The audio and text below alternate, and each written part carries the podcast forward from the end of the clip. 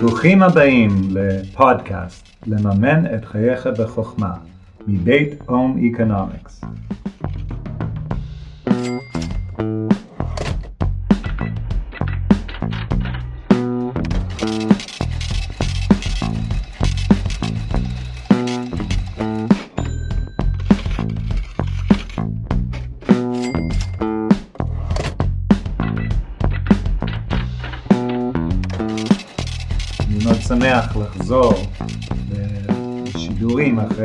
הפוגה.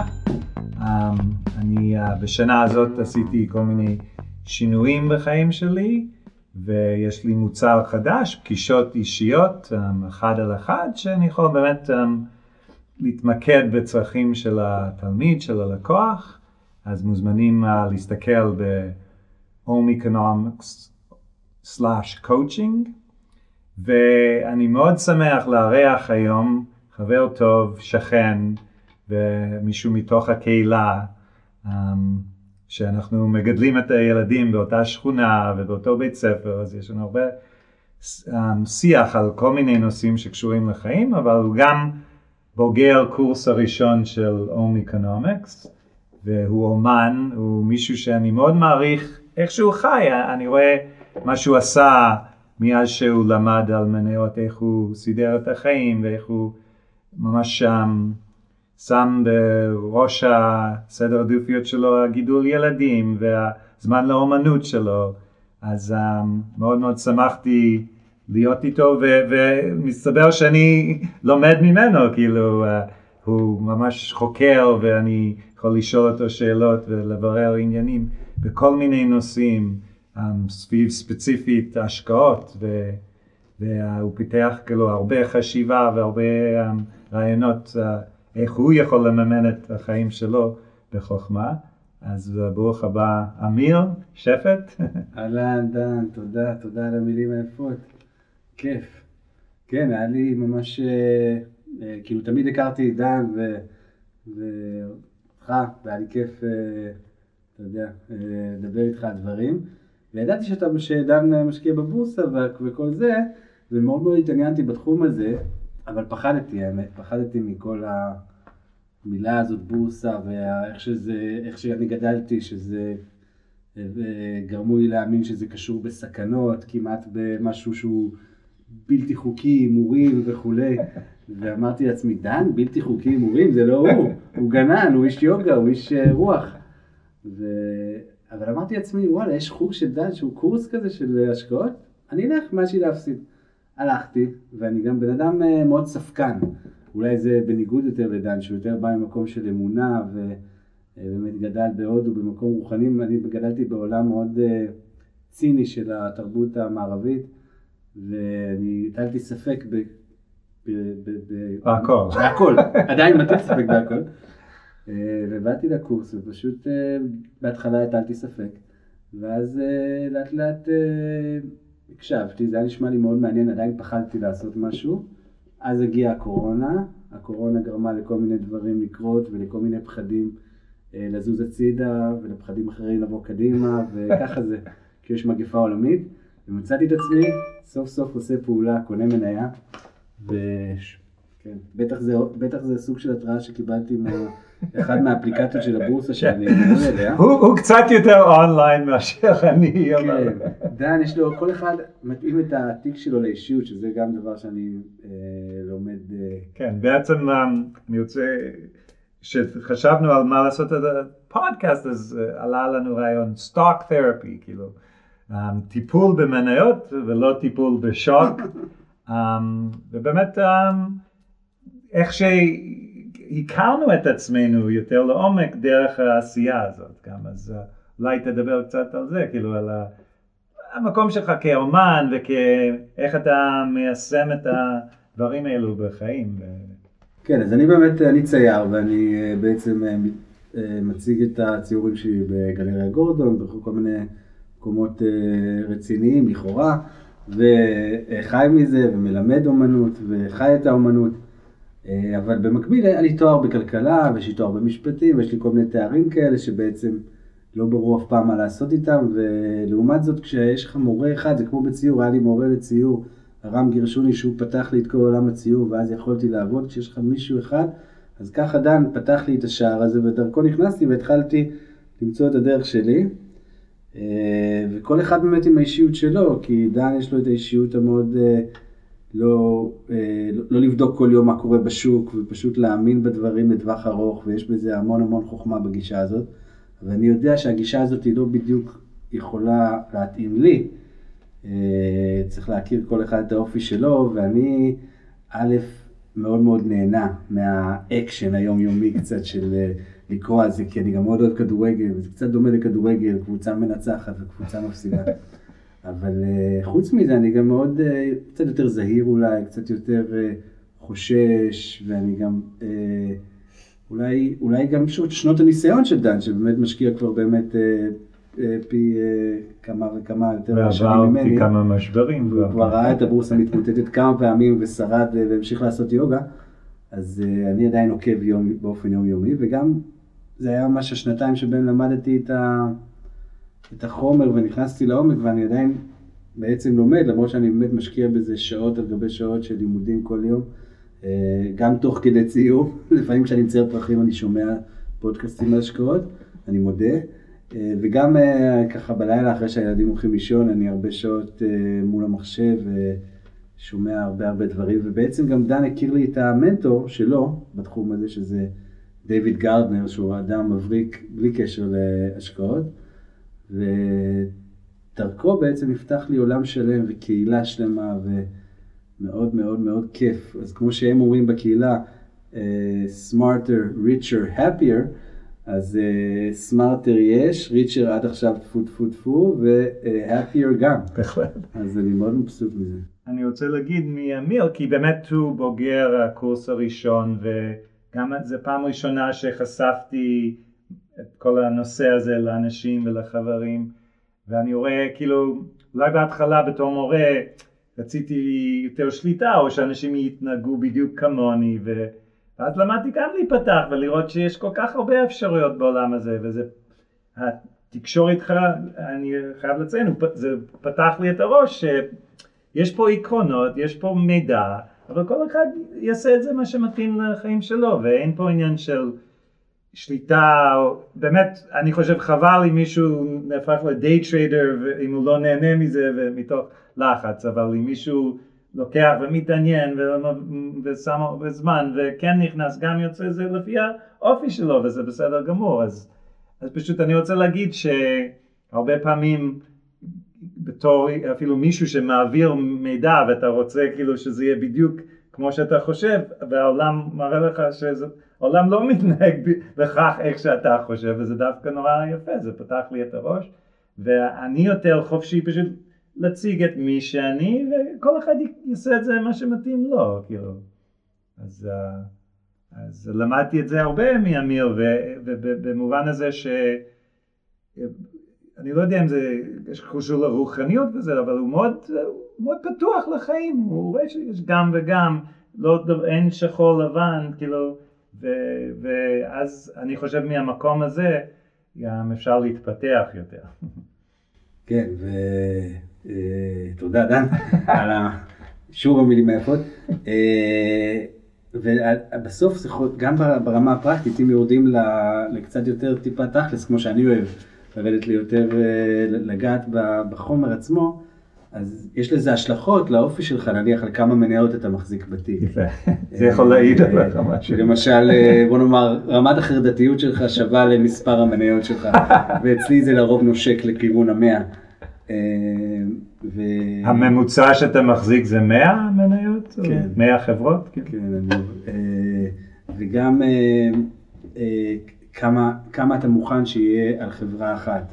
אני אומר לעצמי, אני אפילו אם אני הייתי המנכ"ל של איזושהי חברה, אני לא באמת יכול לדעת בוודאות את העתיד שלה, בטח לא לטווח ארוך, כי אפילו אם החברה היא באמת, אתה יודע שהדוח הבא יהיה מעולה למרות שאסור לך לספר לתקשורת והמניעה הולכת לקפוץ, ואתה באמת אה, יודע שהכל מתקתק והכל לטובתך, יכול לבוא חברה אחרת שבעצם תהיה disruptor ותשנה את התעשייה, יכול להיות ש... למשל עכשיו אני יכול להיות מנכ"ל גוגל ואולי לא, לא להבין את המשמעות העמוקה של אתריום שהולכת לשנות את, ה, את האינטרנט אה, באופן יותר עמוק, אני לא יודע. אוקיי, אבל זו שאלה מעניינת. האם יתר מידע הזה משתק אותך או אתה נשאר פעיל בזה? בוא נאמר, זה לא משתק אותי, זה נשאר מאוד פעיל, אני מאוד אוהב את, ה, את המידע הזה, אני פשוט, זה גורם לי לחשוב שאני לא מוכן שיהיה יותר מכך וכך אחוז על, אה, על, אה, מהכסף שלי צמוד למשהו אחד, לחברה אחת, למוצר אחד. אה, ויש אנשים אחרים שמרגישים בנוח עם אה, 20 אחוז, יש כאלה שאני שמעתי שמרגישים גם בנוח עם 70 אחוז. וזה מאוד מאוד תלוי בכל אחד, אבל אני, אני תמיד מרגיש שיותר מ-10% על, אה, על אה, חברה אחת זה נראה לי קצת, זה קשה לי. אני גם יודע בפועל שאני, אפילו אם זה נכון אולי, אולי זה נכון, אבל אני לא אעמוד בזה כשהיא תרד. ואני, ואני, וזה יפריע לחיי היום יום שלי. ואני אוהב את חיי היום יום שלי. ציטוט מבריאן פרולדי שאני מזדהה עם הסגנון שלי, אז הוא אמר, מישהו שיכול לשאת ירידה של 35 אחוז, הוא יום אחד בהחלט יהיה עשיר. אה. אז אה, כאילו אני, אז אני הבנתי את הקטע עבור האופי שלי, כאילו, אבל... זה שלמשל, אה, כאילו דן מזכיר של בריין פורולדי, שאני גם מאוד מאוד אוהב אותו, זה די מדהים היום שאתה יכול לשמוע כל כך הרבה אנשים אה, שממש אה, מומחים בתחום הזה, ואתה יכול להקשיב להם, ואתה אתה יכול לזהות ב- למי אתה מאמין, מי נראה לך יותר מעמיק, מי, מי מתאים לאופי שלך, ובריין פורולדי הוא בהחלט אה, בן אדם שאני לומד ממנו המון המון על בסיס יומיומי, למרות שהוא לא לומד ממני, כי הוא לא יודע שאני קיים, אבל אה, זה לגמרי נכון.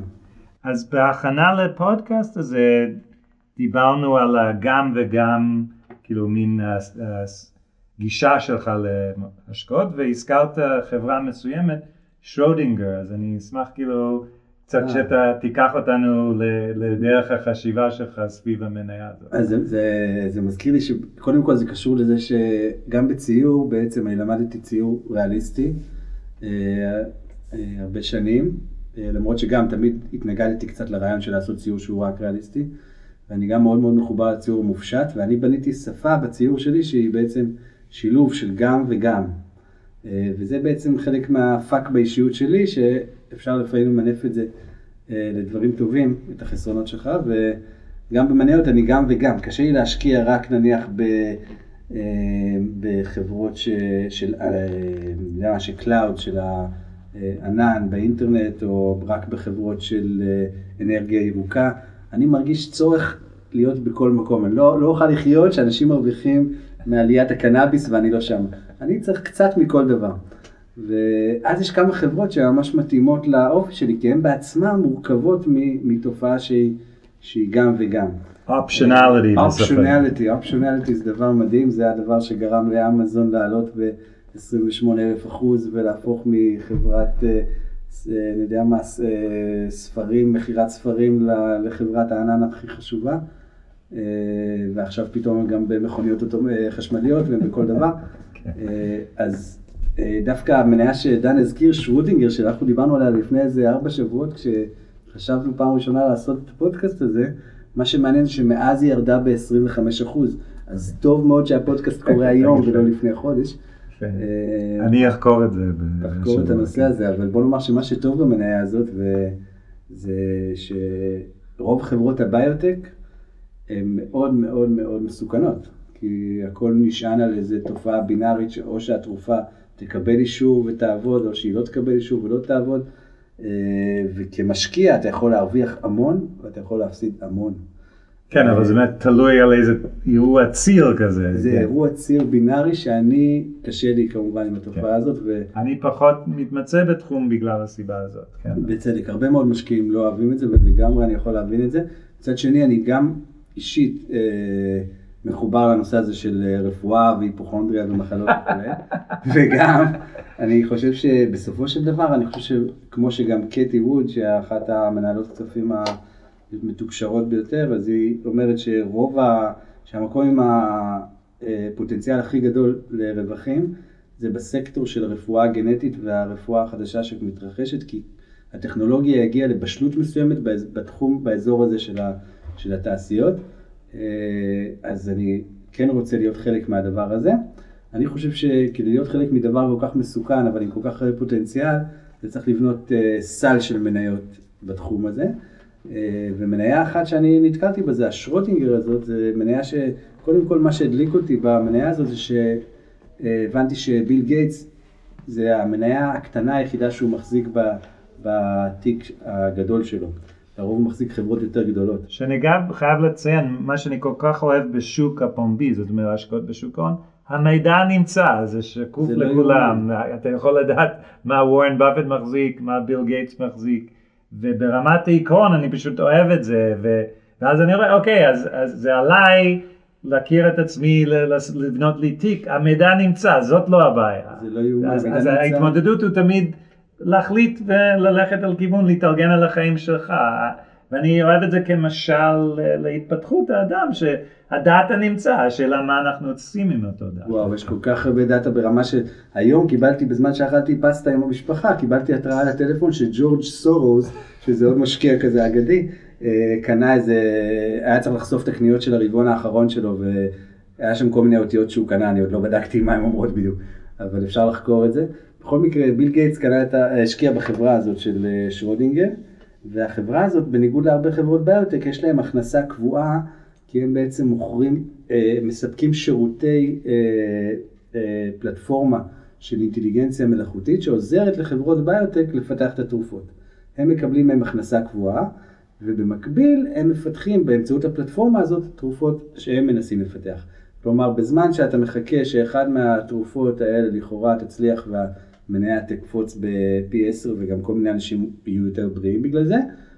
החברה הזאת לא יכולה ליפול לאפס ויש לה הכנסה קבועה והיא לא צריכה כל הזמן אה, בעצם אה, אה, להנפיק עוד מניות בשביל להכניס לעצמה עוד הון.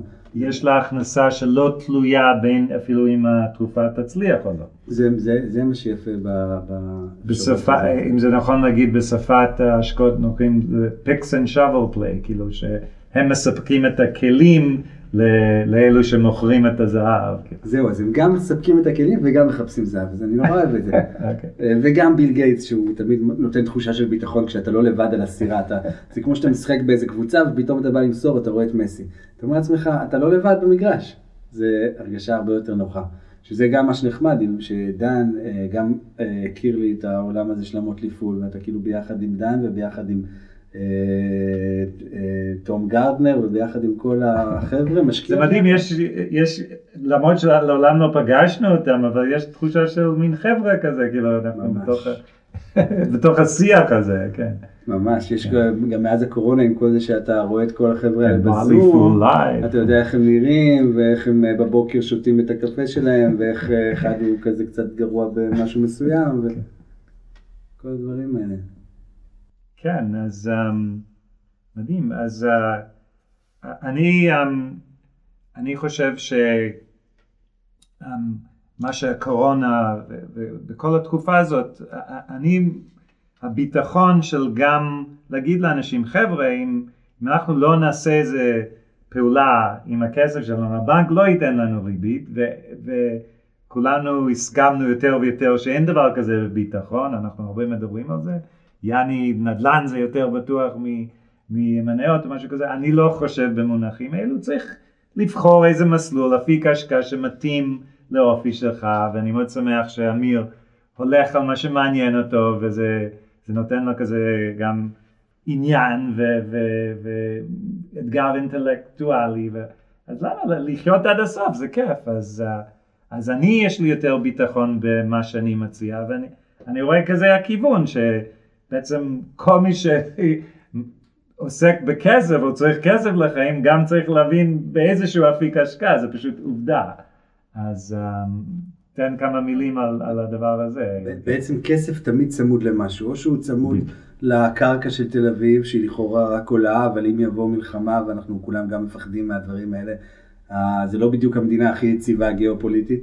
Uh, והכסף עצמו צמוד לאינפלציה, שכולנו מפחדים שהאינפלציה אה, תגרום לכולנו אה, לחזור, אה, לא יודע מה, לתקופת הצנע, וכל דבר צמוד למשהו, אז אתה לא יכול בעצם להתהלך בלי להיות קשור לעולם הזה. Okay. אז אם אתה כבר קשור לעולם הזה, אז תקבל החלטות שהן יותר מלומדות, והידע שם, וזה באמת מאוד מאוד כיף להתעניין בדברים האלה בעולם הזה.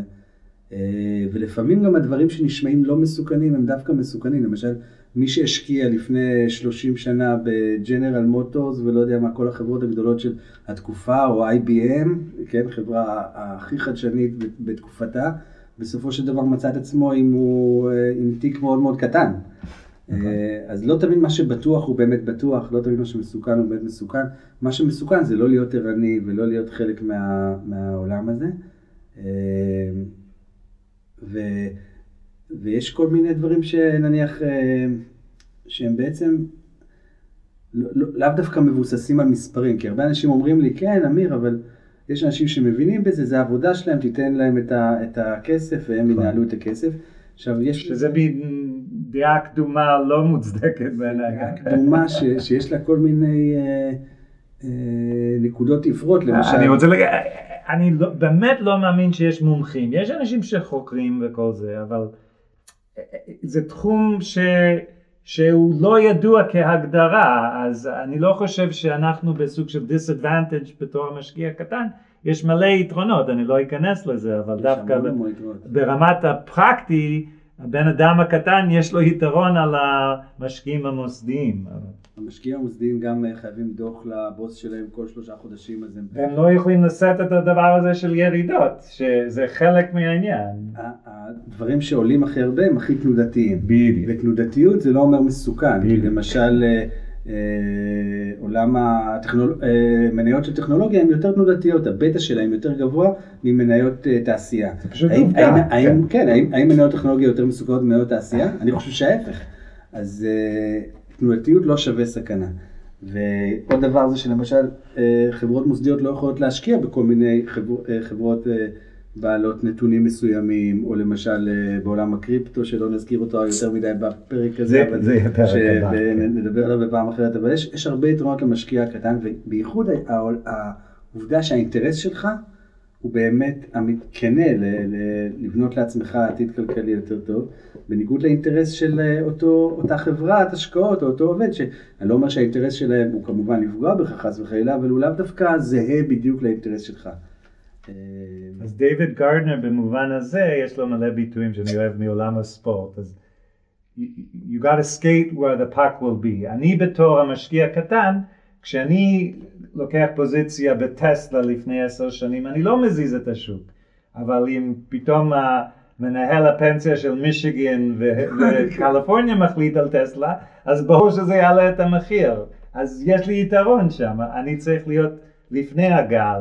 אז um, דווקא זה כל כך מה שהתחברתי למרלי פול, זה העצים אותי בתור הבן אדם הקטן, ראיתי את הכוח שיש בזה. זה מדהים. אה, נזכרתי פתאום בעוד מניית גם וגם שמתאימה לתקופה הזאת, כי נניח אה, דן באמת יש לו מחשבה שאני חושב שבסופו של דבר, אגב, היא יותר נכונה, שרק לטווח ארוך. אה, אני כן למשל מודאג מה, מדברים שהם לכאורה לטווח יותר בינוני או קצר אפילו, אה, הקורונה והסגרים, או שאני מקווה שזה לטווח קצר בינוני, אז מניה כמו דיסני, שזאת מניה, א' זה נחמד להשקיע בדיסני, כי כולנו יש לנו זיכרונות ילדות נחמדים מהדבר הזה.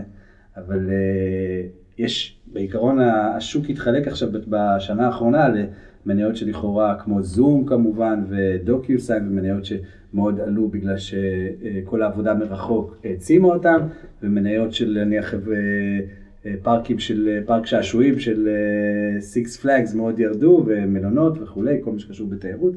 ומה שיפה בדיסני שהיא גם קשורה לתיירות, הפארקים כמובן שלא לא נסעתי לדיסני וורלד בשנה האחרונה, שזה דווקא יצא לי טוב, כי לא היה לי כוח לזה, אבל, אה, וגם בעצם זו חברת טכנולוגיה שהשיקה עכשיו בענק את ה-streaming של הדיסני פלוס, ובעצם למשל כל העלייה של הווירטואל ריאליטי וה-AR, אה, אה, הכל, הכל השתלב טוב עם המוצרים שלהם, כי כשאתה תוכל לא יודע מה, לרקוד עם אה, מיקי מאוס ולהרביץ את דונלדק אה, בעולם וירטואלי, אז אה, הם בטח ירוויחו מזה קצת כסף. אז אתה יושב על משהו שהוא גם עובד טוב עם העולם החדש וגם נפגע בגלל הקורונה. ואם אתה רוכש את המניה שלהם ומחזיק אותה עד לסוף המשבר, מן הסתם הפארקים יחזרו, אבל הם יחזרו יותר חזק מאי פעם כי הם ישתלבו עם הטכנולוגיות החדשות וה-streaming החדש. אז זו עוד תופעה נחמדה של גם וגם. יפה, אז מאזינים יקרים, גם וגם, הכל אפשרי. יש לכם את הכוח, כאילו, אם אנחנו יכולים, אני ואמיר, גם אתם, לגמרי. אז uh, זהו. אז תודה רבה, אמיר, תודה לעמיתי המפיק. שלנו, ולעמיתה. נשתמע.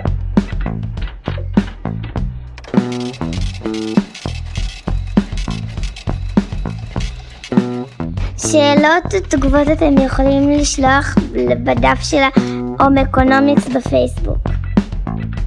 מי שבעקבות הקשבה לפודקאסט מתעניין להשקיע במניות שהוזכרו כאן, בבקשה לא להסתמך על המידע הזה בלבד.